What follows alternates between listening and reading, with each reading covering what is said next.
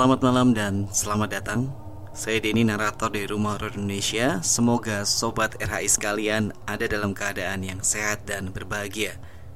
Malam hari ini cerita horor saya akan bacakan dari tulisan Mas Aris Mulyana Dengan judul Pendakian Sakral Gede Pangrango.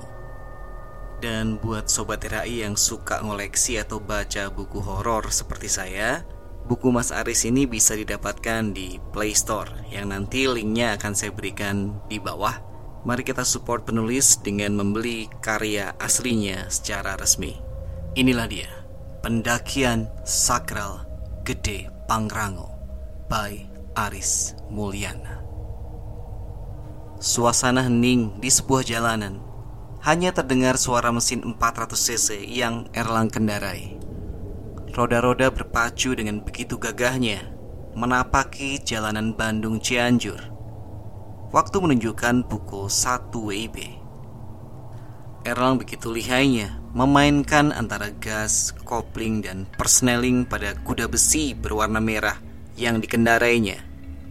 Tikungan demi tikungan dilalui tanpa menginjak rem Erlang bagaikan pembalap MotoGP yang sedang beradu kecepatan dengan waktu. Keadaan yang begitu gelap di kiri dan kanan jalan, bahkan tak ada satupun kendaraan yang melintas di jalanan tersebut.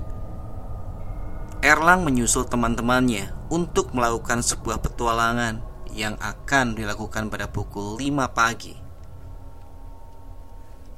Sial, gara-gara lembur, aku jadi telat nih. Mana udah malam, Lampu motorku bersinar seperti kunang-kunang pula.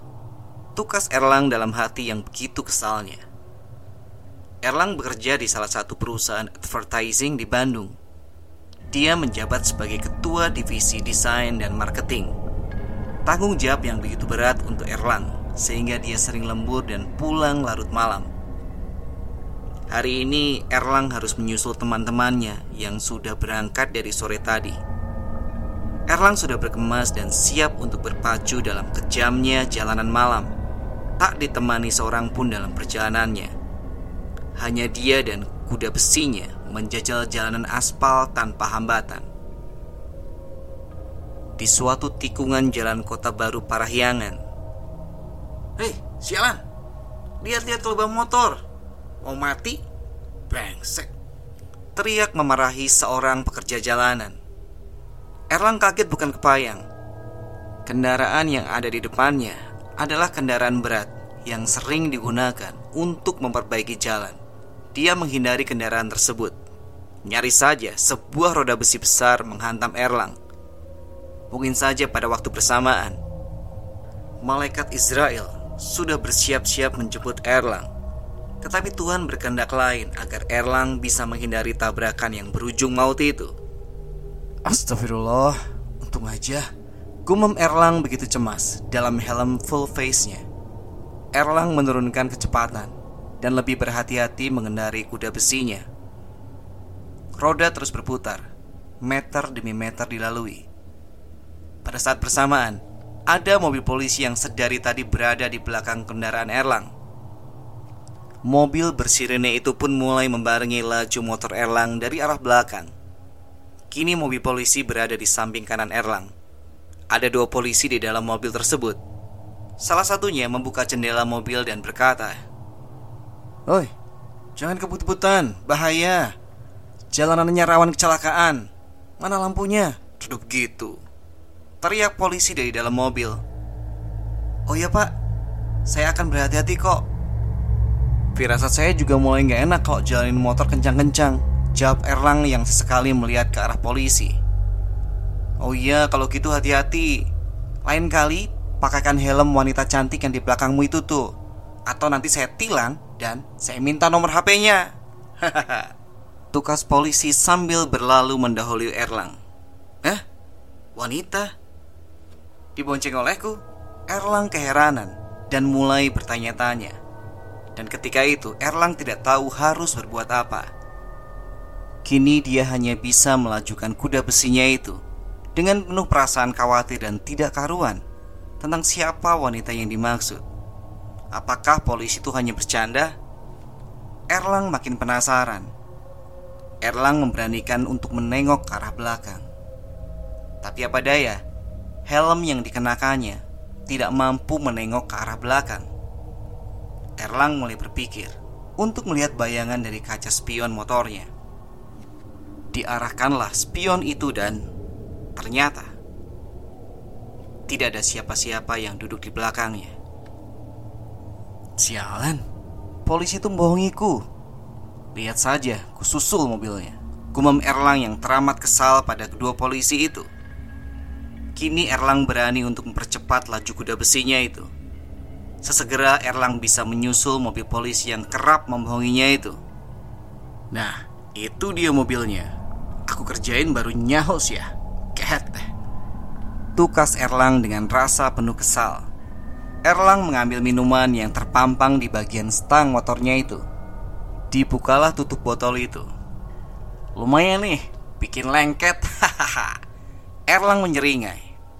Dari arah belakang mobil polisi, Erlang melihat sebuah tangan menggantung di jendela dengan rokok di jarinya. Erlang semakin kegirangan melihat hal itu karena bisa melancarkan tindakannya itu. Tanpa pikir panjang, Erlang mempercepat laju kuda besinya dan mulai mendekati mobil polisi itu dari bagian samping kanan. Digenggamnya botol itu dan siap dilemparkan ke dalam mobil. Makin dekat dengan mobil itu, Erlang sudah siap-siap untuk membalas kelakuan polisi itu. Tapi setelah berada di samping kanan polisi itu, Erlang melihat pantulan bayangan pada kaca jendela mobil bersirene itu. Sontak Erlang kaget dengan apa yang dia lihat. Ternyata ada sosok wanita yang duduk di bagian belakang kendaraannya. Tak kuasa Erlang mengimbangi laju motor dengan kecepatan tinggi. Untung Erlang begitu lihai mengendarai motor. Tanggung sudah menggenggam botol dengan penuh semangat. Polisi itu melihat apa yang dilakukan oleh Erlang. "Eh, kamu lagi?" tanya polisi yang mengemudikan mobil bersirene itu. Iya pak Kegelapan ini membuat saya haus pak. Mari minum pak. Seru Erlang Mengalihkan tujuannya yang sudah berapi-api sedari tadi. Dan akhirnya botol itu dilayangkan ke mulut Erlang. Dengan cerobohnya Erlang tidak sadar Bahwa dia memakai helm full face. Sontak berhamburanlah minuman itu ke badan Erlang. Hahaha Makanya fokus oi Teriak puas polisi Erlang hanya bisa terdiam dan memikul rasa malunya itu, serta dia hanya bisa tersenyum tunduk saja. Eh, mana wanita cantik yang duduk di belakangmu? Kau udah diturunin sih? Ledek polisi. Mungkin wanita itu dingin kalau naik motor. Tahu gitu, mending sama kita aja ya. Jawab polisi yang ada di sebelahnya dengan penuh tawa yang begitu puas. Erlang pun kini keheranan dengan apa yang dikatakan oleh polisi itu. Dia kembali melihat lewat bayangan yang ada di kaca jendela. Ternyata emang sudah tidak ada wanita yang duduk di bagian belakang kendaraan Erlang. Sembari melihat bayangannya, Erlang merasa heran dan melihat ke arah kaca mobil yang samar-samar menembus ke dalam mobil polisi di bagian belakang. Dan ternyata yang Erlang lihat itu adalah wanita yang sebelumnya duduk di belakang motor Erlang.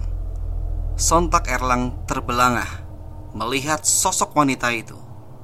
Perlahan Erlang mengarahkan pandangannya ke depan dengan penuh hati-hati. Pak, tak usah khawatir soal wanita itu. Dia masih bisa ditemui kok. Saya buru-buru nih pak. Mari, saya duluan ya pak. Oh iya, satu lagi pak. Selamat ya pak. Keinginan bapak-bapak ini terkabul. Tukas Erlang memacu kuda besinya untuk berlari kencang. Oke, Hati-hati, tetap konsentrasi ya. Jawab polisi yang mengemudikan mobil bersirene itu. Eh, apaan yang udah terkabul ya? Tanya polisi lainnya dengan keheranan. Kan, bapak-bapak yang menginginkan kehadiranku di mobil ini? Jawab seorang dari arah belakang Seraya menyeringai dengan senyuman yang mengerikan. Jembatan jalanan Raja Mandala yang penuh kisah mistisnya dilalui sudah oleh Erlang yang memacu kuda besinya, bagaikan kilat yang sedang menyambar. Waktu menunjukkan pukul 2.30 waktu Indonesia Barat.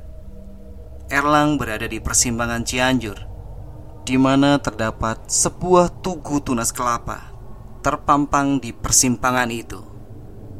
Erlang membelokkan kuda besinya itu ke arah terminal Pasir Hayam, Cianjur. Lagi-lagi jalanan sepi dan gelap. Tapi Erlang dengan berani dan yakin, jangankan hantu, mantan pun dia hadapi walau selalu menghantui dirinya selama ini. Hanya ada beberapa kendaraan yang melintas di jalanan ini. Jalanan yang begitu panjang seperti jalan tol Jalanan ini terbebas dari hambatan di kala siang hari. Di siang hari saja bebas hambatan. Apalagi kalau malam seperti yang Erlang rasakan. Hanya bisa melihat garis putih pada jalanan saja yang diterangi lampu redup pada kuda besinya itu.